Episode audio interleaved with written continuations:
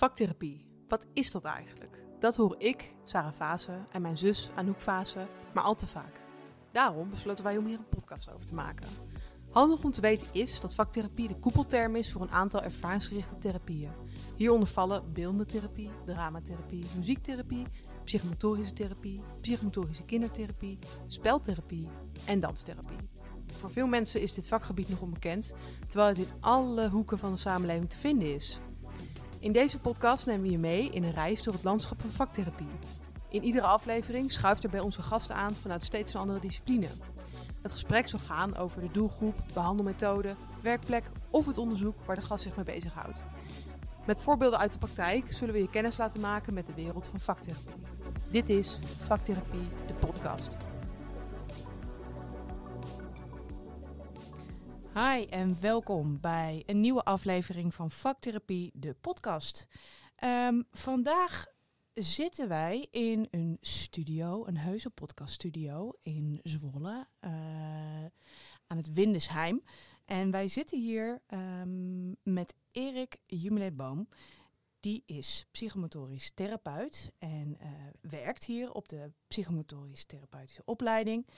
Um, daarnaast heeft hij een eigen onderneming rondom nascholing en training en biedt hij samen met ervaringsdeskundigen Amira Jea onder de noemer Trap Kickboxtherapie allerlei uh, activiteiten aan, zoals workshops en cursussen die te maken hebben met PMT, vechtsport en meer.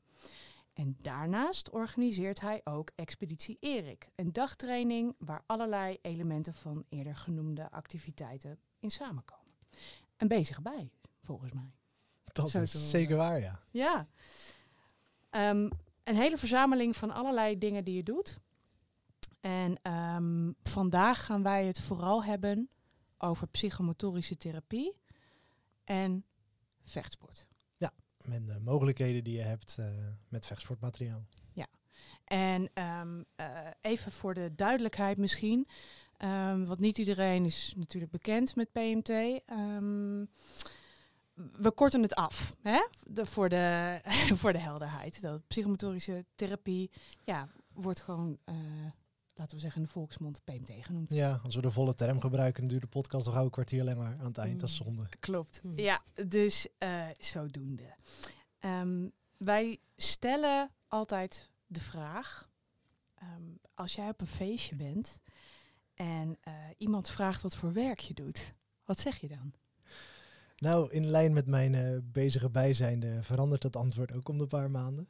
Uh, de, laatste samenvatting is, uh, ik ben bezig met vechtsport en mentale gezondheid. Ik denk, dan hou ik het even vrij oppervlakkig. En dat zijn twee termen die wel tot de verbeelding spreken. En als ze specifieke vragen naar mijn werk, dan kort ik het vaak samen als zijnde, dan vat ik het vaak samen als, ik ben een kruising tussen een gymleraar en een psycholoog. Ik werk met dezelfde doelen als een psycholoog, maar ik sta in de gymzaal en daar doe ik allerlei uitdagingen. Oh ja, dat is inderdaad wel een, uh, nou ja, misschien wel een, een, een, hele concrete beeldende uh, voorstelling van wat een PMT'er uh, ja, kan zijn. Ja. ja. Iedereen kan zich wel een voorstelling maken van een psycholoog en van een gymleraar. Ja. Dus die kan je goed combineren in je hoofd. Ja, absoluut. Ja. En collega's zijn het er niet altijd mee eens. Die vinden dit iets te kort door de bocht, maar daar komen we straks wel aan toe. Maar dat is een, uh, vind ik, een mooie samenvatting om de leek een klein beetje mee te nemen in uh, wat wij doen. Ja. ja. Ja, hey, en Erik, dan ben ik benieuwd. Hè? Hoe ben je uitgekomen bij de uh, psychomotorische therapie? Uh, dat komt door vechtsport en door vechtkunst. Uh, ik heb op de middelbare school heb ik heel veel gedaan aan Muay Thai. En, en de originele variant waar later kickboksen uit ontstaan is. En dat heb ik, heb ik ontzettend veel uitgehaald voor mijn eigen ontwikkeling. dat werd alleen steeds harder en meer. We waren in de jaren zeven bezig. En dan op een gegeven moment moet je echt gedrild worden, wil je nog naar een hoger niveau komen. En ik merkte dat, dat dat lag mij niet. En toen ben ik naar mijn leraar gegaan en zeg, joh, al dat en ge, ik word daar een beetje, uh, een beetje opgefokt van. Dat is helemaal niet wie ik ben, wat ik leuk vind. En die zei toen, joh, uh, blijf nog eventjes. We gaan uh, net zo fanatiek door als, als nu, maar dan sluiten we aan het, af, aan het eind sluiten we af met vijf minuten tai chi. Dat is wat je, even kort door wat je Chinezen in een park zo massaal ziet doen. Van die langzame bewegingen zo, in slow motion. We kennen ze allemaal. Nee. Ja. ik, ik dacht dus van ja, uh, wat, wat gaat dat nou voor verschil maken in zo'n in zo'n idioot harde training van anderhalf uur? En ik weet nog dat in zo'n korte ademhalingsoefening, concentratieoefening, dat ik zo ontzettend veel rust en focus vond. Dat ik, ik was helemaal, helemaal kapot na het eind van de training. En na die oefeningen liep ik heel, fluitend weg. En eh, helemaal fit en opgeladen. En dat triggerde bij mij een, een fascinatie voor de wisselwerking tussen hoofd en lijf. Van, wat, wat gebeurt daar? En die, die fascinatie heeft me gebracht tot op een gegeven moment PMT. Ik dacht van, hé, hey, zij zijn met diezelfde holistische kijk bezig naar gezondheid. Ja, en daar zit ook wel een stukje iemand willen helpen in. Hè? Ik bedoel, voor hetzelfde geld had je gedacht, nou, ik ga Tai Chi leraar worden. Ja, nee, zeker. Precies. En dat, uh, dus die fascinatie voor gezondheid heb ik altijd al gehad. En mensen willen helpen. Dus ik heb een tijdje nagedacht of ik bijvoorbeeld psycholoog wilde worden. En, en door deze invloeden dacht ik, nee, wacht even. Ik heb het zelf voor mezelf fijn om het in het actieve te zoeken. Want ik ben ook niet iemand die moet je niet acht uur lang stilzetten op een sofa. Dat, dat, past ook niet bij mij. Uh, en, en deze pakt dus beide, beide interessegebieden aan. Zowel het hoofd als het lijf. En um, je zei net uh, al van, nou, wat is, wat is PMT? Dat is uh, even heel kort door de bocht. Uh, hè, dat is aan de ene kant kun je, heb je de, de sport leren, of sta ik in een gymzaal. Aan de andere kant behandel ik mensen. Ben ik, hè, net als de psycholoog, een behandelaar. misschien goed om nog even stil te staan bij wat, ja, wat, wat PMT nou hè, nog meer is. We werken met dezelfde doelen, dezelfde doelen als een psycholoog. Alleen wij zijn sterk ervaringsgericht bezig. Dus we gaan allerlei scenario's neerzetten waarbij mensen de kansen krijgen om iets, iets nieuws te oefenen, te oefenen met nieuw gedrag. Of om spontaan gedrag uit te lokken waardoor iemand een spiegel voor kan houden. En naast ervaringsgericht werken zijn wij ook lichaamsgericht aan het werken. Dus wij zijn ook heel sterk mensen aan het stilzetten over wat gebeurt er in je lijf. Wat doet een bepaalde oefening met je?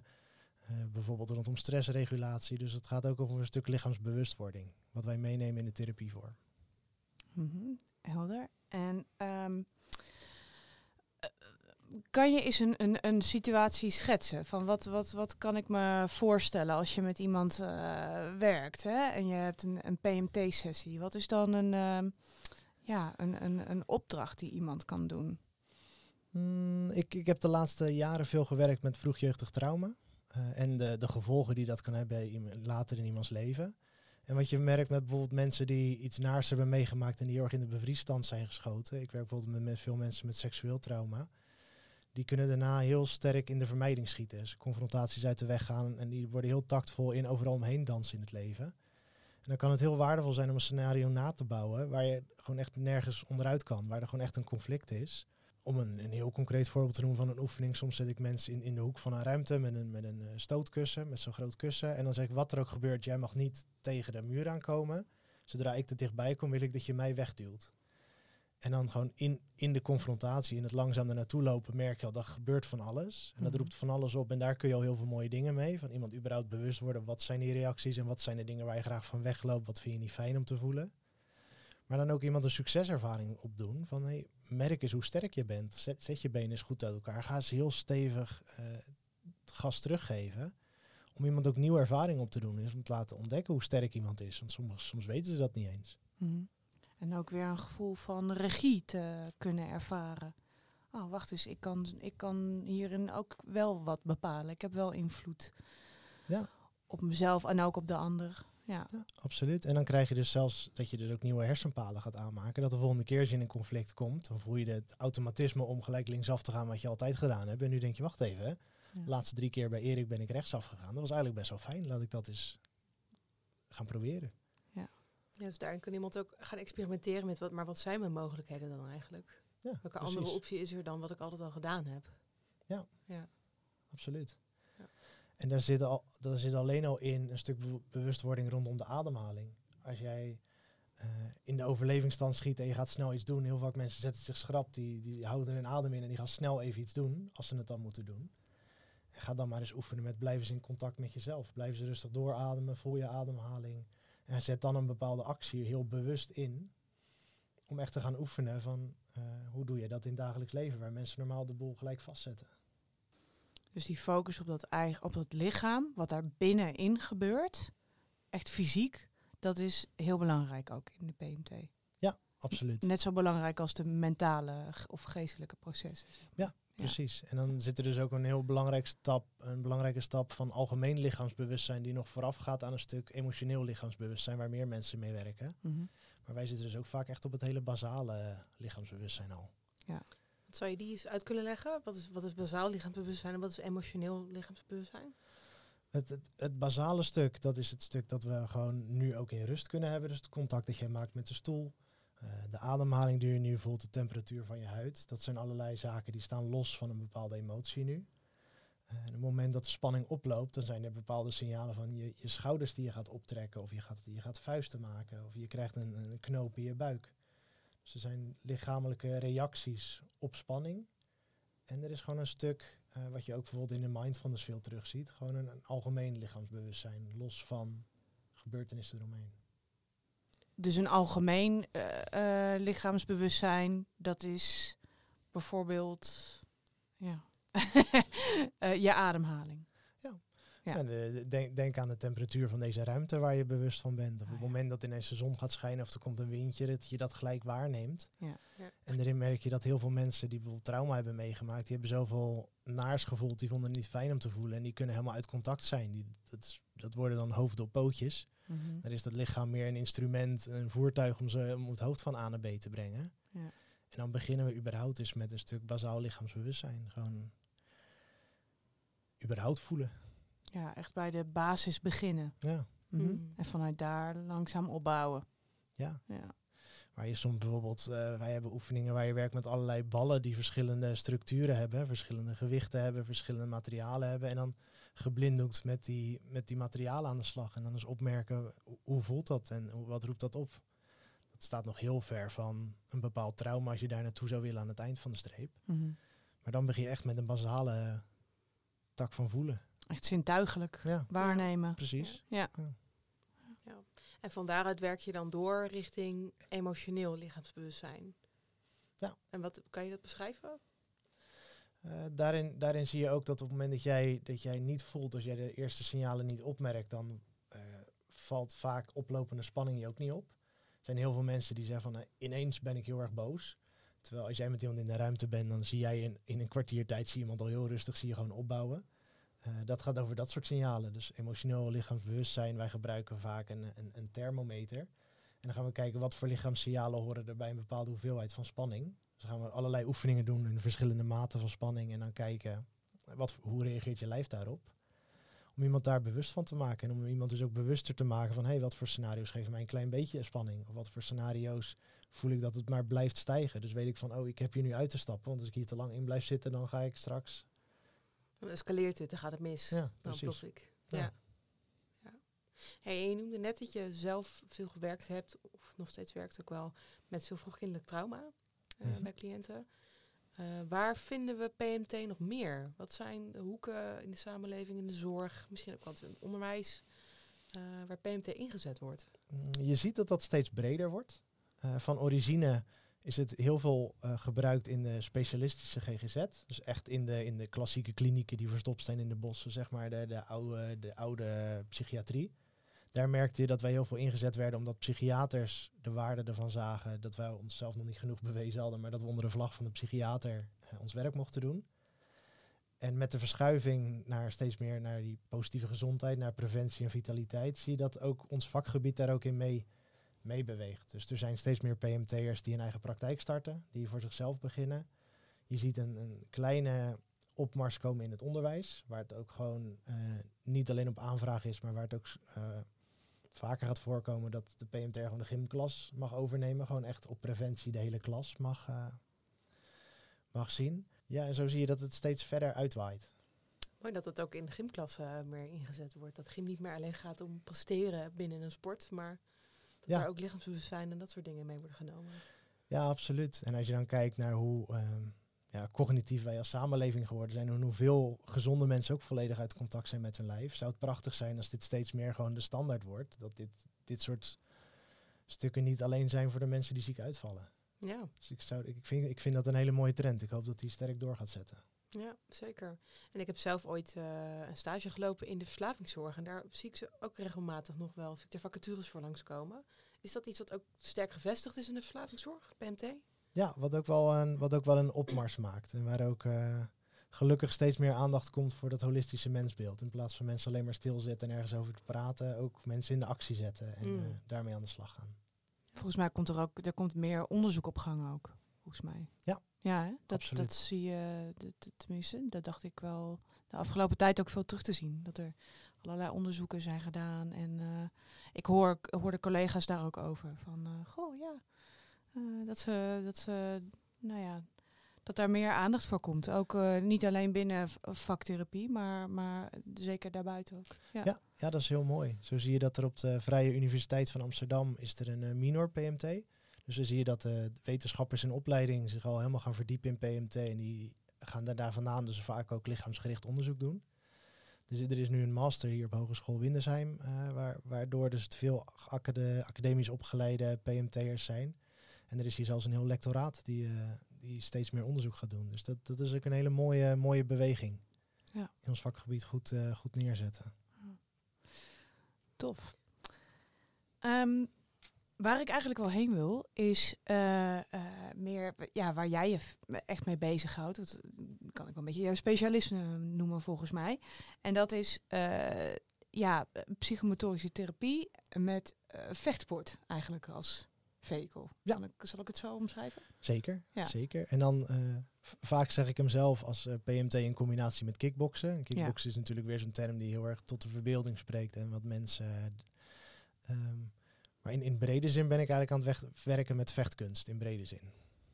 Ja, want inderdaad, de, er zijn een paar termen die daarin, eh, die we misschien een beetje door elkaar halen. Hè? Kickboksen, vechtkunst, eh, vechtsport. Mhm. Ehm, eh, welke zal ik hanteren?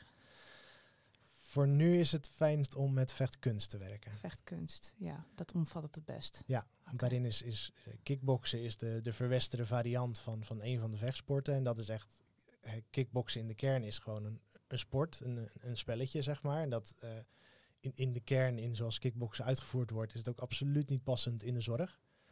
Eh, daarin heb je vechtsport als overkoepelende. Je hebt heel veel uiteenlopende vormen van, van vechtsporten. Ehm, elk met hun eigen kracht. En daarin is vechtkunst. Dan heb je het echt over de leefstijl. Dan heb je het echt over die, die brede benadering. Zoals je vroeger in, de, in, in, in het, het Verre Oosten al had in de, in de kloosters. Waar de, de monniken bezig waren. Dus daar zit ook een stuk meditatie in en mindfulness en eh, levensbeschouwing. Daar zit, ook, er zit ook vaak een heel hele tak van religie in. Ehm, wat dus helemaal niet te vergelijken is met een beetje dom op een zak rammen. Dat, dat zijn wel echt twee dingen. Mhm. Ja. Ehm, en dan ben ik wel benieuwd, eh, ja, ho- hoe zet jij dat in? Hoe zet jij vechtkunst in tijdens therapie? Nou, als, als PMT'er is de, de ingang al iets, iets makkelijker. Zeker als je echt een gymzaal instapt. Wij werken ook regelmatig in, in andere ruimtes als je maar een klein beetje kunt bewegen. Maar omdat mensen weten dat ze aan de slag gaan met bepaalde vormen van activiteit, is die al iets logischer te introduceren dan wanneer de psychiater dat zou doen, bij wijze van spreken. Ehm, en ik zet hem vaak in aan de hand van doelen. Daarin merk je dat de handschoenen en de, de kussens, het is maar een middel. En uiteindelijk de kracht zit in de begeleiding. Dus door eerst eens te luisteren, wie ben jij, wie heb ik tegenover, waar heb jij behoefte aan? En op het moment dat ik binnen de hulpvraag kansen zie om vechtsport in te zetten, dan eh, introduceer ik dat. Dan zeg ik, joh, vaak beginnend met de vraag, wat is jouw beeld bij kickboksen? Of wat is jouw beeld bij vechtsport, voordat ik überhaupt iets eh, noem. Ja, want dat is een goeie. Want eh, ik kan me voorstellen dat het, ja, dat het wat oproept. Of dat mensen, als mensen gaan associëren, hè, dat ze denken aan, eh, nou ja, als ik denk eh, kickboksen, dan denk ik aan eh, vechten, aan, eh, nou ja, zo'n stinkende dojo en zweterige handschoenen aan. En eh, nou ja, eh, ehm, eh, ik, denk, ik kan me voorstellen dat mensen denken ook aan agressie en, en geweld. En, of het intimiderend kunnen vinden van oeh, dat, dat is niks voor mij, dat vind ik spannend, Ja. dat soort dingen. Zeker weten. Ja. Dus, en, en de vooroordelen van, hey, dit, dit is wat ik niet leuk vind, maar ook gelijk dat vooroordeel, oh, maar dat kan ik niet, want dat is niks voor mij. En als jij dat beeld hebt van die onafgestemde macho mannenwereld, eh, dan zijn er heel veel mensen die daar gelijk op afhaken. Zo van, joh, daar, daar pas ik niet tussen, of dat wil ik überhaupt niet leren. Ehm, dus Ja. denk dat veel mensen daar meteen een beeld zien van, oh ja, Badr Haren die eh, op een zak loopt te mappen. Dat je denkt van, ja jeetje, dat, eh, dat zie ik mezelf niet doen. Nee, nee, Nee. absoluut. Dus dat vraagt vaak eerst al een stuk, stuk band en veiligheid opbouwen, dat ze jou leren kennen als mens. Eh, en op het moment dat mensen zien wie ze tegenover zich hebben, dan is het al gelijk iets anders dan dat je koud een, een vechtschool binnenloopt natuurlijk. Ehm, en vaak zet ik hem ook als in als van, hey, ge- geef het gewoon even een kans. Laten we even kijken of het wat is. En bevalt het niet, dan stoppen we weer. Eh, en dan zie je opvallend vaak dat mensen er heel snel toch succeservaring mee hebben. En dat grappig genoeg de mensen zeggen die heel hard roepen, oh dit is echt niks voor mij, dat die er juist heel erg veel uithalen. Ja, hey, en ja, ik hoor je net vooral, vooral kickboksen noemen, maar ook vechtkunst. Eh, gebruik je ook nog elementen van andere vechtsporten eh, of vechtkunsten? Ja, nee zeker. Ik, ik pak van alles door elkaar. Daarin merk ik ehm, bijvoorbeeld als je het puur even pakt als, als uitingsvorm, de mensen uh, terugpakken naar het voorbeeld van mensen die niet zoveel ruimte innemen, die vermijdend zijn, kan het heel lekker zijn om gewoon ergens een keer op af te reageren. Zo van, nou, dit is een, een zak, die voelt niemand, je doet niemand kwaad, maar uh, uit, uit jezelf maar eens. Maar daar kan het bijvoorbeeld, he, um, daarin vraagt een, een stoot uitdelen best wel om fysieke bovenkracht. Waar als jij iemand een, een houten stok geeft, dan kan dat een hele harde, qua geluid, een heel flink effect geven, zonder dat je er heel veel kracht voor nodig hebt. Dus dan grijp ik ineens naar allerlei sporten die met zwaarden werken bijvoorbeeld, om, om zo te gaan werken. Uh, en tegelijkertijd, wij hadden het net over een stukje emotieregulatie. Dus op het moment dat je bezig bent met lichaamsbewustzijn en emotioneel lichaamsbewustzijn, dan ga ik ook sterk werken juist met de ontspannen hoek, juist met ontspanningsvarianten.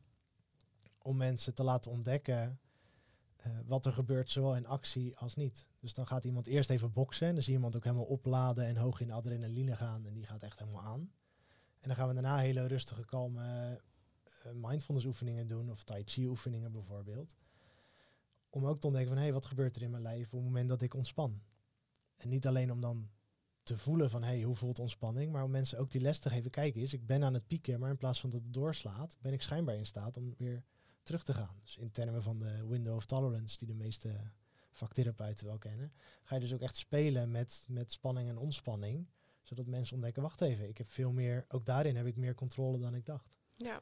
Misschien, En- en- misschien ja. even goed om de window of tolerance heel eventjes eh, te verhelderen. Voor de niet-vaktherapeuten. Ja. Ja, dat is misschien wel een goede, ja. Eh, dat is een, theorie waarin we kijken naar de, de, de gemiddelde spanning die, die over de hele dag schommelt. Je hebt kleine dingetjes die spanning en ontspanning geven. En dan heb je een, bepaald, een bepaalde schommeling die jij prima zelf kan hanteren. En je kunt er ook uitschieten op het moment dat iets te spannend is, dat je dan niet meer in staat bent om zelf je, jezelf te reguleren. Dus dan schiet je of naar buiten en dan raak je helemaal hyper. Of je kan juist helemaal de andere kant op schieten naar beneden toe en helemaal in het verslagen zitten, helemaal in het... Uh, bevriezen. En daarin gaan wij dus kijken naar hoe iemand in de actie zichzelf nog steeds kan reguleren. Ja, want ik, ik kan me ook, uh, tenminste vanuit mijn eigen werk en ervaring, um, uh, weet ik ook dat uh, cliënten vaak bang kunnen zijn om inderdaad om boos te worden, om, om, die, om die agressie te, te gaan uiten. Ja. En ik ben ook wel benieuwd hoe, hoe, hoe nodig je iemand daarin uit? Hoe krijg je iemand daar dat hij dat wel gaat doen? Ja, dat, dat, dat vraagt om. om uh, de, de kracht zit weer in afstemming op de mens. Daarin, uh, sommige mensen heb ik die eerste sessies raken geen bokshandschoen aan. Dan is de eerste interventie alleen al kun jij jezelf reguleren als er in het zicht een bokshandschoen ligt. Wat voor sommige mensen dan een uitdaging aan zich is. En daar ben ik in het begin heel erg bezig met het inzetten van een, een speelse vorm. Dus waar mensen heel erg zitten van hé, hey, het is blinde agressie, het is domme woede. Um, zolang je die associatie hebt, dan sta je er ook niet zo voor open. Maar als we dan aan de slag gaan met, uh, ik zeg maar wat met van die zwem zwembadnoedels. Dan zeg ik, ga eerst maar eens die bokzak slaan met zwembadnoedels. Ja, dat heeft, dat heeft nul effect. Er gebeurt net niks. Hoe hard je ook wil slaan, dat heeft helemaal geen effect. Die dingen... Het zijn een beetje van die schuim, uh, schuimrubberen Ja, hele, hele lange stengels. schuimstengels. Ja, ja. Ja, ja. En dan werken die dingen, die zwiepen ook alle kanten op. Dus hoe hard je je best ook doet, het, het, het lijkt ook net nergens op. En dat, dat wordt al snel wordt dat heel komisch. Uh, dus dat we echt op zoek gaan naar een stukje spelen, spelenderwijs ontdekken, om, om die eerste associaties eraf te halen. Van het is meer dan alleen maar dom rammen. Ja, om die drempel te verlagen. Ja. Ja. ja, En niet in één keer, in één keer van, van 0 naar uh, 100 te hoeven. Nee, precies. En dan zie je, er zit ook een hele grote uh, angst rondom een menselijke confrontatie. Überhaupt, zodra je in een vechtcontext wil, moet je zo dichtbij komen dat je iemand met een eh, iemand kan raken. Dus je zit op een armlengte afstand van elkaar. Nou, dat is al heel intimiderend voor de meesten. Mhm. Dus dan begin ik vaak al met een staande bokzak. Die zet ik midden in de ruimte. Ik zet zelf een paar stappen naar achter. Zo van, kijk eens, je bent nu met een levenloos eh, item dat niets voelt. En dan begin ik bijvoorbeeld met zo'n stok. En wat dan heel grappig is, is dat sommige mensen die pakken die stok vast en die zeggen van, oh, dit is niks voor mij. En dan zeg ik, nou, probeer het eens een keer. En dan geven ze ook echt een, een aai, echt zo'n zo'n tikje. Maar dat het echt met twee of drie tikken al gelijk is, oh, wacht even. hey, die was harder, dat klinkt best wel lekker. En dan proberen ze het nog een keer. En dat is echt sommige mensen die dus een hele grote weerstand zouden hebben, dus die je echt in een paar minuten tijd helemaal aangaan van, oh wacht, dit is eigenlijk toch wel lekker. Ja. En dan hoor je die klap steeds groter worden en dan zie je ze al gelijk groeien van, oh wacht, dit vind ik eigenlijk wel interessant. Zeker als ze de boel al een tijdje aan het opkroppen zijn, dan merk je, hé, hey, er komt hier iets los, dat, dat, er gaat iets stromen nu. ja. En het voelt toch eigenlijk best wel goed. Dus dat, hoewel je zou denken dat het heel veel introductie vraagt, zodra je een beetje zoekt naar een spelende ingang, is, is mijn indruk dat dat eigenlijk heel makkelijk gaat. Ja. Dat je ze daar vrij makkelijk in meekrijgt op het moment dat jij zelf die luchtige speelse toon ook neerzet, natuurlijk. Ja, is toch een beetje dat, eh, dat suikerlaagje soms even net eromheen brengen. Hè? Net eventjes hoe je het Mm. presenteert inderdaad, dat je, dat je mensen toch wel mee kan krijgen. Ja. En we hebben het nu over eh, agressie, of mensen die dat misschien heel lastig vinden, of die daar misschien te snel in schieten. Wat zijn, wat zijn hulpvragen waar jij nu regelmatig mee werkt? Ik zit voornamelijk op een stuk eh, grenzen en assertiviteit. Dus juist mensen die nog nooit in hun leven agressief zijn geweest, die iedere vorm van assertiviteit al gelijk associëren met agressie, die, Ja. die, eh, die überhaupt weinig podium pakken of zichzelf niet groot durven te maken. Conflictvermijding. Ja, dus dan gaat het echt over thema's als, als sterk staan, als je grenzen aangeven, als eh, ja, voor jezelf opkomen. Dan gaat, zit het veel meer in, in die hoek. Er mogen zijn. En, en dus ook gaan ontdekken eh, dat je door middel van vechtsport ook een hele fijne. Dat je daar een hele fijne uitingsvorm van kan maken. Dat het niet per se blinde agressie is, maar dat op het moment dat jij jezelf kan reguleren, dat het ook heel fijn is om af en toe eens een keer jezelf groot te maken. Of af en toe eens even ergens flink tegenaan te duwen.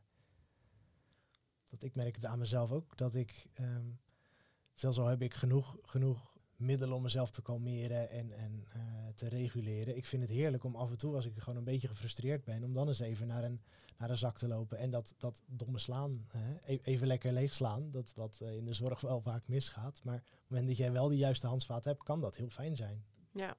En de setting daar ook naar is. Dus ik moet ineens denken aan iets wat eh, onlangs op LinkedIn langskwam. Een, een post over dat je niet zomaar een bokzak in een, in een eh, behandelomgeving maar neer moet zetten. Van nou hier, ga maar doen. Ja, dat is jouw post. ja, precies. Ja, dat, dat is mijn post. Ja. Oh, fijn. Die heeft vandaag 200.000 mensen bereikt trouwens. Krankzinnig. Zo. heb ik anderhalve week terug online gezet. Maar dat resoneert dus heel erg in de zorg. Het is schijnbaar een heel relevant, eh, relevant item. Ja. Eh, en dat gaat dus inderdaad over dit. Heel veel mensen die associëren vechtsport met... oh, dat is lekker, dan kan iemand even lekker uitrazen. Laten we zo'n zak ophangen en dan kan iemand even zijn boosheid kwijt. Maar zeker in zorgcontext kan dat echt de verkeerde kant op slaan. Kan dat ook echt heel sterk averechts werken en heel negatieve gevolgen hebben... als je, dat niet, als je daar niet de juiste mensen op zet. Want wat is het gevaar daarvan? Wat kunnen de gevolgen zijn? Ja, die kunnen, die kunnen uiteenlopen van eh, jezelf, jezelf zeer doen omdat je controle verliest, op een domme manier slaat en, eh, en je polspijn doet. Tot aan daadwerkelijke hertraumatisering. Dat je jezelf of anderen vol, vol terugschiet in, eh, in trauma's en de, de boel ook echt erger maakt daardoor. Mhm. Ja, wat, hoe, hoe ga jij eigenlijk om met cliënten die echt zwaar getraumatiseerd zijn? Dan hebben we het ook over traumasensitief werken, maar hoe vlieg je dat eigenlijk aan? Eh, de grootste kunst zit in de afstemming. Een hele, een hele fijngevoelige afstemming. En daarin merk ik dat ik heel veel doe door middel van lichamelijke observaties. Dus dat is het mooie aan het werken met, met vechtsport, dat je heel dicht bij iemand staat. Dus op het moment dat iemand maar een heel klein beetje met zijn ogen knippert, of ik zie zelfs een, een oogpupil die verwijt of, of kleiner wordt, eh, dat soort hele kleine dingen kun je, kun je al terugzien. Ja, daarin, daarin zit een stuk afstemming op dus hele grote voelsprieten hebben, heel, heel sterk helemaal verliezen in, in iemand, helemaal focussen op is, is die persoon oké. Maar ook heel helder communiceren, voortdurend vragen van hé, hey, ik wil dit en dit wil ik eh, erbij gaan doen, of ik wil de oefening nog een keer doen, maar dan is dat voor jou oké. Checken, checken, checken. Heel voorzichtig zijn met, met andermans grenzen. Ja, want ik kan me voorstellen dat mensen die ook juist zelf niet zo goed eh, kunnen waarnemen. Zelf niet zo goed in de gaten hebben. Nou, absoluut. En als je het dan hebt over grenzen aangeven, een stuk assertiviteit, dan heel veel mensen die stappen gelijk naar dat stuk toe van hoe geef je grenzen aan, hoe communiceer je dat? Ehm, of of da- daar later op reflecteren op een heel cognitieve manier. Maar inderdaad, vaker stap 1 is ga eerst eens ontdekken waar liggen überhaupt je grenzen. En dan zet ik dus heel vaak in op het thema lichaamsbewustzijn. Dan merk je dat je lijf ongelooflijk veel te vertellen heeft, wat wij een groot deel van de dag vaak negeren. En daarin kan je heel veel moois ontdekken in, in de grenzen die iemand aangeeft en vervolgens de, de taal die het lichaam spreekt. En dat je die aan mensen terug gaat geven. Van joh, en dan- vraag ik netjes tot hoe ver mag ik komen. En dan geeft iemand een, netjes aan tot waar die komt. En dan gaan we daarna bepaalde oefeningen doen waar ik wat verder weg sta. En dan zie ik gewoon ontspanning ontstaan. Zeg ik, voel, je dat je schouders zakken? Klopt het dat je nu ineens door je buik ademt? Dat denk ik te zien. Merk je dat je nu ineens onderuit gaat zitten in plaats van dat je op het puntje van je stoel zit? Ja, ja, nee, ik vind dit wel prettiger. Dat je dan zo gaat kijken naar, hey, wat zijn daadwerkelijk je grenzen? Wat zijn de grenzen die je lijf communiceert?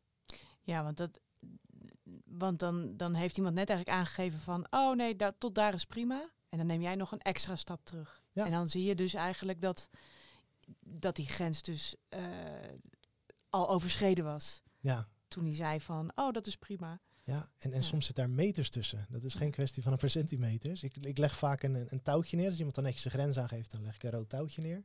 Daarna gaan we zoeken naar waar, wat is nou echt, wat vind jij een hele prettige afstand. Dan gaan we allerlei interventies erbij gaan we eens oefenen. En dan op het moment dat iemand echt tot rust komt en hij in contact vertelt, joh, dit is mijn ideale afstand. Dan leg ik een tweede lijntje neer en dan gaan we daar eens naar kijken. En dan zie je dat die soms meters uit elkaar liggen. En wat ik ook, eh, ik, her, ik herken die opdracht ook. Ehm, en dat mensen vaak dan die eerste grens vaak uit hun hoofd meer doen. Hè, dat, ze, dat ze heel erg nadenken, dat ze veel met jou bezig zijn. Dat ze denken van, eh, nou, dit, oké, dit vind ik wel schappelijk. Of dit, eh, ja, dit is misschien wel, eh, wel een soort van sociaal wenselijk. Hè? Voor, vooral dat, ja. Dit, Ja. Mm. ik, ik, ik moet me niet zo aanstellen. Dit, dit doen we toch in de kroeg ook altijd. Dat je een soort van Ja. de culturele regels krijgt. Van dit, dit hoort, dit hoort oké te zijn. Ja, en ik wil die ander ook niet kwetsen. Er, gaat, er gebeurt vaak zoveel al in zo'n kleine, kleine, tussen haakjes, kleine werkvorm. Ja, Ja. ja en, en wat je dan dus weer ziet gebeuren, je bent in een, oef- in een oefening wat een, een confrontatie is tussen aanhalingstekens. Waarin de spanning stijgt en heel veel mensen heel sterk in hun hoofd gaan zitten. Dus nog min- minder voelen in hun lijf dan normaal gesproken. En dat zetten wij graag tegen. Dan gaan wij juist die tegenbeweging maken van hey, sommige mensen, hè, doe even je ogen dicht. Of anderen werkt het juist totaal niet, dus ook weer een afstemming. Maar heel erg na- terug naar dat lijf. En dan kijken van hé, hey, wat gebeurt er dan en waar liggen die grenzen dan echt? Ja, en dan komt er vaak toch iets heel anders uit dan wanneer ze het met hun hoofd Ja. benaderen. Ja. Ja, absoluut. En op het moment dat jij dat dus ook nooit eh, test, als jij altijd maar aan de hand van hoe het hoort te zijn gaat, gaat redeneren, dan kun je bepaalde succeservaringen ook helemaal niet opdoen, die dus wel in de PMT-ruimte kunnen ontstaan. Van, nou, je denkt dat je dit niet kunt, la- laten we het gewoon eens proberen. Laten we schapsgewijs dit toch eens even aangaan en kijken wat er dan gebeurt. Om dus mensen te laten ontdekken van, hé, hey, soms zijn er dingen prima mogelijk, terwijl je dacht dat het niet was. Dus ook bepaalde gedachten gaan uittesten, hè, in, in een vorm van ervaringsgericht leren. Ja, waar, waar je inderdaad die scenario's eh, eh, creëert. Dus het is eigenlijk een soort speel, ja, oefengelegenheid. Ja. Dus je kan dingen uitproberen zonder dat daar een, een, een direct gevolg in zit. En dat is natuurlijk vaak bij verbale therapie. En met alle respect, verbale therapie is ook hartstikke goed. Ehm, maar daar is vaak het, dat je het erover hebt. Hè, en dat je het vervolgens dat je naar buiten gaat en dat je tegen de situatie aanloopt en dat het dan niet lukt. Omdat het te spannend is. Ja. En wat natuurlijk het, het fijne is, eh, zeker van ook PMT, dat je, dat, je, dat je kan oefenen. Dat je het ook kan stopzetten. Dat je er even uit kan stappen. Dat je nog een keer kan gaan oefenen. Het is een hele mooie tussenvorm. Ja. Het, het voelt al levensecht, maar je kan het wel gelijk uitklappen of stilzetten als je zegt van dit bevalt niet. Of je kan er een variant van maken waar het dagelijks leven niet altijd zo naar je hand te zetten is. Is dat in de PMT-ruimte vaak makkelijker. Ja. En je hebt iemand bij je die je ook steunt en je daarin dingen teruggeeft. Ja. En wat er gebeurt. Zeker, Ja. zeker. En dat dus ook in lijn daarmee op het moment dat mensen, dat, dat je zelfbeeld niet zo goed is, als je zelf chronisch overschat of onderschat, ehm, dan neem je dat mee in, in, in praattherapie. En dan is dat, als je dan vervolgens eh, daarna in het, in het echte leven het moet gaan oefenen, dan, dan loop je twee keer tegen een uitdaging aan. Dus dat soort dingen zijn heel mooi te oefenen door in een veilige situatie dus mee aan de, aan de slag te gaan. Dat je dan denkt van hé, hey, een oefening is lastiger of makkelijker dan ik dacht. Ja, als we, als we het over praattherapie hebben, hè, dan moet ik ineens denken aan dat ze eh, binnen de psychotherapie is er nu een, een best wel forse ontwikkeling op het gebied van de, de psychomotor psychotherapie. Ik weet even niet of ik het nog goed uitspreek, of locomotor psychotherapie. Sensimotor. Sensorimotor, dat Ja. is Locomotor. het inderdaad. Zo, ja, locomotor. Sensorimotor, inderdaad. Eh, waar elementen van de PMT gebruikt worden in eh, psychotherapie. Ik ben benieuwd hoe je dat ziet. Ja, het is, het is bijna lastig om bij te houden wat er allemaal aan ontwikkelingen, ontwikkelingen gaande is. Er zijn heel veel elementen. Dat is iets wat, je, wat jij uh, net ook zei, dat je merkt dat als er bepaalde elementen zijn die werken, dat er anderen ook heel makkelijk mee vandoor gaan. Zo'n, oh, ik zie hier een bepaald trucje, oh, maar dat kan ik ook wel. Ja, dat is misschien goed om eventjes dan de, de uit te leggen inderdaad. Dat, uh, dat was voordat we gingen opnemen, hè, hadden we het daar volgens ja, mij over. Dat, waar, dat zit niet in. Uh, dat, dat we met het kickboksen, dat er ook mensen zijn die vanuit affiniteit um, hè, een, een, training doen. Uh, hè, van hoe zet je kickboksen therapeutisch in. Um, en, en dat vervolgens ook zo gaan aanbieden, terwijl ze eigenlijk niet opgeleid zijn als, als therapeut. Um, schets ik dat goed? Ja, ja. zeker. En, en dan zie je gewoon dat er iets ontstaat en mensen zien, oh wacht even, in, in die vechtsport daar gebeurt iets, daar kun je iets moois mee. En die gaan er gelijk mee aan de haal, want oh, ik zit zelf toch ook al vijf jaar op kickboksen, oh, dat kan, dat kan ik ook vast wel. Ja. Uh, dus het is ook in, in alle bewegingen die ontstaan. Het is heel mooi dat er in de zorg ook steeds meer aandacht komt voor het lichaamsgericht werken. Maar ja. er komt ook een soort van versnippering van allerlei kleine initiatieven of, of eenmansorganisaties die dan zeggen, hey, ik heb nu het, ik heb het gouden ei, we gaan het, uh, dit gaan we zo in de zorg gooien. Ja, want je kan daarin denk ik niet, moet je niet voorbij gaan aan de, de achtergrondkennis die je moet hebben. Uh, hè, van bijvoorbeeld het aanbieden van zo'n, nou ja, tussen haakjes simpele werkvorm die lichaamsgericht is. Hè, dit, dat kan je wel doen. En denken, nou, dan, dan gebeurt er wat. Maar als je die, bijvoorbeeld die lichaamssignalen niet goed kan lezen... En je, en je niet goed in de gaten kan houden... maar wat gebeurt er dan eigenlijk bij iemand... Uh, kan ik me voorstellen dat dat ook wel goed mis kan gaan. Ja, zeker weten. En als we dan uh, een, een, voorbeeld vanuit kickboksen is dat je nu een trend ziet dat er steeds meer mensen uh, trauma's gaan behandelen door middel van kickboksen. TRE, volgens mij trauma release, nee, of stress release. Ja, die, die zit er ook weer tussendoor. Dat? Ja, dat zie ik ook veel voorbij komen. Of, of sla ik nu de plank mis? Weet ik niet. Ja, dat is ook weer een, een van de vormen die, die, Ja. die daarin ontstaat. Mm. Maar waarin dus soms ook ontstaat dat de psycholoog denkt: hé, hey, ik zie nu iets en ik weet dat het lijf belangrijk is. En daar gelijk op inhaakt en mee aan de slag gaat. Maar dus ook bepaalde kaders mist en, en informatie mist vanuit lichaamsgericht werken en vanuit ervaringsgerichte therapie. Waardoor ze daar ook, ook met de beste intentie soms de plank mis kunnen slaan. Als je dan het voorbeeld pakt van de, de, de trend waar steeds meer uh, boksen en kickboksen ingezet wordt om trauma te behandelen. Er zijn heel veel mensen die ontdekt hebben van hé, hey, ik heb veel uit kickboksen gehaald. Gewoon trainers of sporters die zeggen, oh, ik, ik, ik, ik heb hier de kracht van ervaren. En die gaan dan met de beste intenties gaan ze dat doorgeven. En wat ik wel eens gezien heb, is dat er mensen binnenkwamen met een zekere vorm van trauma. En die zijn natuurlijk heel erg angstig en gespannen vooraf, want het is allemaal heel confronterend en heftig in zo'n vechtschool. En dan denkt zo'n trainer, oh, ik zie dat iemand een beetje angstig is. Ja, dan moet je iemand gewoon even doorheen helpen, want dan krijgen ze vanzelf vertrouwen. En die gaan die mensen juist pushen. En die gaan ze een beetje drillen, want die weten, oh, dat heeft mij vroeger geholpen. Daar ben ik een sterke man van geworden. Met als gevolg dat er iemand met een trauma binnenkomt en volledig over de grenzen gejaagd wordt. En daarmee dus ook echt gewoon nieuwe trauma's kan oplopen. Dus dan staat zo'n trainer met de beste intentie, wil, die iemand helpen. En iemand loopt weg met nog meer trauma's dan dat hij kwam. Ja, en dat is, dat, dat, dat, ja, dat is gewoon, dat is een beetje het lastige ervan. Hè? Van het, is, het is heel fijn dat, dat er meer aandacht voor komt en, en dat mensen er meer mee bezig zijn. Maar dit is inderdaad die andere kant van de medaille. Ja, dat, ja, het is ook weer niet voor niets dat er, de, nou ja, dat je als, als, als vaktherapeut, dat je ofwel via een master ofwel hè, via een vierjarige bachelor, uh, ja, je, je een diploma daarvoor haalt. Ja. En ook Ja. daarna vaak nog allerlei cursussen en nascholing. Nascholing, hè, absoluut. eh, ja, het, be- dus je begint pas eigenlijk met, een, met, met die HBO en, en daarna ga je nog heel lang door. ga je nog lang door. Ja, Ja. ja. ja. dus daar moeten we niet te lichtzinnig mee omgaan. Maar wel fijn dat er, eh, dat er meer aandacht voor komt. Ja, ja en het, hetzelfde zie je natuurlijk met coaches. Je ziet de laatste jaren zijn er honderden mensen opgestaan die noemen zichzelf boxcoach. Veel daarvan die hebben één, één dagcursus gevolgd en die, die roepen nu dat zij, eh, dat zij alles kunnen oplossen. En ja, als jij, als jij van jezelf al opgeleid coach was en je hebt er nu een handvat bij en je gaat ook in de coachende hoek werken, dat is nog tot daaraan toe.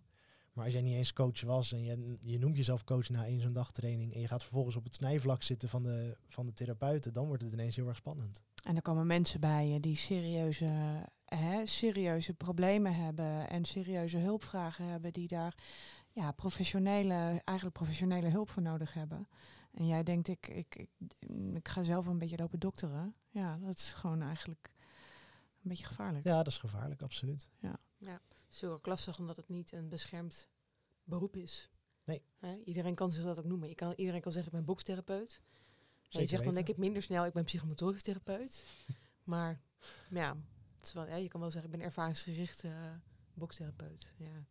Ja, Ja. nee, absoluut. Ja. En daarin is het door die wildgroei aan, aan varianten, is het voor, voor de leek ook niet meer uit te halen wie er nou de juiste opleidingen in heeft. ja, wat is nou wat? Ja, Ja, ik vind het zelf wel onoverzichtelijk worden. Ik zit, ik zit midden in de wereld, ja. ja inderdaad. Ja.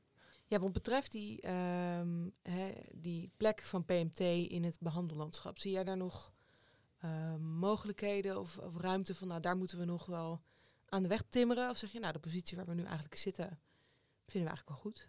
Dat is fijn. Ja, ehm, ja daar, daar zijn de meningen over verdeeld. Eh, ik, ik merk aan mezelf heel sterk dat, ehm, dat, dat dit heel erg werkt juist in de hoek van preventie, leefstijl en vitaliteit. Gewoon naar je, naar je lijf leren luisteren, daarmee de aandacht naar binnen van hé, hey, wat, wat zijn mijn grenzen, wat zijn mijn behoeftes. Vaak mensen die daarmee bezig zijn, die, die zoeken dat gelijk in de alternatieve hoek, in de zweverige hoek. Die gaan dat gelijk koppelen aan chakra's en allerlei bijzondere dingen. Eh, ik zou het heel mooi vinden als een stuk lichaamsgericht werk gewoon standaard wordt. Dat dat dus standaard op scholen zit. Of dat je dat gewoon ehm, hè, bij wijze van spreken bij de supermarkt kan halen. Gewoon even een, een cursusje lichaamsgericht eh, werk voor eigen, voor eigen groei. En om het dus veel meer uit de specialistische GGZ te halen. Dat we het niet alleen maar inzetten voor mensen die al omgevallen zijn. Maar dat het veel meer normaal gedachtegoed gaat worden. Dat we ons lijf serieuzer gaan nemen. Ja, dus meer onderdeel van de maatschappij. Ja. Zeg maar. Ja. Het is noods als vak op school. Gewoon mentale gezondheid. En erin ook als onderdeel daarvan een stuk leren luisteren naar je lijf. ja, want inderdaad, wanneer, wanneer leer je dat? ja, dat, dat is ook maar net inderdaad waar je tegenaan loopt, denk ik. Ik was daar als tiener niet mee bezig, met mijn ademhaling. Nee. Nee. Ja, met roken, ja. Ja. Maar, maar niet, niet, niet, eh, nee, niet met, Nee. met dat lichaamsbewustzijn inderdaad. Ja, en als je dan kijkt naar de, naar de puberteit, waar je heel erg druk bezig bent met het ontwikkelen van je identiteit en het zoeken naar je eigen weg, het loslaten van wat je ouders altijd geleerd hebben. Hoe gaaf zou het zijn als je daar wat meer naar je lijf kan luisteren en dat je van allerlei signalen krijgt van hé, hey, dit moet ik van mijn vriendjes, maar dit voelt eigenlijk helemaal niet goed. Of dit, eh, di- di- dit is helemaal geen populaire hoek, maar ik voel wel een zekere aantrekkingskracht. Ik merk wel dat ik daar heel vrolijk van word. Hoe gaaf zou het zijn als we dat gewoon allemaal hebben en, en niet pas krijgen als we heftig getraumatiseerd zijn. Mhm. Ja, of dat het, is iets, dat het iets is wat alleen maar voor rijke mensen bestemd is. Hè? Ik bedoel, er is natuurlijk een klas in de samenleving die heel erg met yoga en Ja. juist met lichaamsbewustzijn bezig is. Maar waarin dat bijna een soort privilege is om daarmee bezig te zijn. En de andere mensen die dat niet kunnen vinden, die, nou ja, als ze een keer crashen, eh, dan in de buurt van zo'n therapie komen. Ja. En, en ook daarin zie je dat, dat ook die klasse vaak de, de plank helemaal mislaat. Want die zijn bezig met heb ik de juiste kleding en ziet het er goed genoeg uit. En die gaan vervolgens, terwijl ze het thuis gaan oefenen, het vastleggen zodat het op Insta komt. Omdat het op het, een hoop likes geeft. Je denkt, ja, je bent in de juiste hoek aan het zoeken, maar je vliegt het weer vrij westers aan. En dat Ja. is ook weer niet helemaal de weg om je eigen geluk te vinden. Nee. Juist niet, zou je eigenlijk wel Nee, kunnen zeggen. misschien Nee, zelfs juist niet. Ja. Ja. Tenminste, in ieder geval niet in, in lijn met de, met de filosofie, denk ik, die, eh, eh, ja, eh, waar het op gebaseerd is. Nee. Nou, ik, ehm, ik vond het heel erg boeiend om, om dit zo te, te horen, hoe jij werkt met vechtkunst. Dankjewel. Ja. Dankjewel. Heel tof. Waar kunnen we jou vinden? is misschien nog goed om eventjes te weten. Ik ben vrij actief op LinkedIn. Dat is een plek waar je me makkelijk kan vinden. Daarin is mijn achternaam niet altijd even makkelijk, maar is Jumelet. Gewoon, ja, je schrijft het zoals je het zegt. Ja. Eh, en een, een mooie weg om mij te vinden is via expeditieerik.nl. En dat is een website waar, waarmee ik bezig ben om, eigenlijk waar we het nu over hadden, in, in lijn met jouw vraag, wat is jouw ideaalbeeld? Het meer naar het normaal krijgen. Eh, is een, een halve dag op expeditie, echt de Veluwe natuur in en daar de rust vinden en vanuit de, de stilte weer terug dichter naar jezelf. En om dan de middag een sportzaal in te gaan en allerlei PMT-achtige oefeningen te doen om te, denk, te zien hoe jij vandaag de dag functioneert en met kleine trucs van hoe kun je op een andere manier met je stress omgaan of ontdekken waar jij echt, echt vrolijk van wordt. Dus eh, terug in je kracht samen met moeder natuur en vader vechtsport. Mooi. Heel mooi. En Klinkt doe, goed. Doe je dit met groepen? Dat doe ik op, eh, op, op open inschrijving. Gewoon iedereen die daar interesse in heeft, die kan, eh, die kan aanhaken. En daarnaast geven wij ook in-company trainingen, omdat dit ook zo sterk verbindend werkt en zo helpend in de samenwerking is. Dat we voornamelijk gericht op zorginstellingen aan het kijken zijn van hey, hoe kun jij als team lekkerder werken en beter in je vel zitten op het werk. Tof. Nou, eh, we gaan het ook in de show notes zetten. Eh, dus daar kan je, kan je eh, eventueel links en dergelijke vinden. En wij willen jou heel erg hartelijk bedanken. Yes, le- leuk om hier geweest te zijn. Dank voor de uitnodiging. En ga vooral lekker door met deze mooie podcast. Oké, dankjewel. Gaan we doen. En eh, als luisteraar vergeet vooral niet om ehm, ons een review te geven of te abonneren. Daar help je ons enorm mee. Dankjewel voor het luisteren.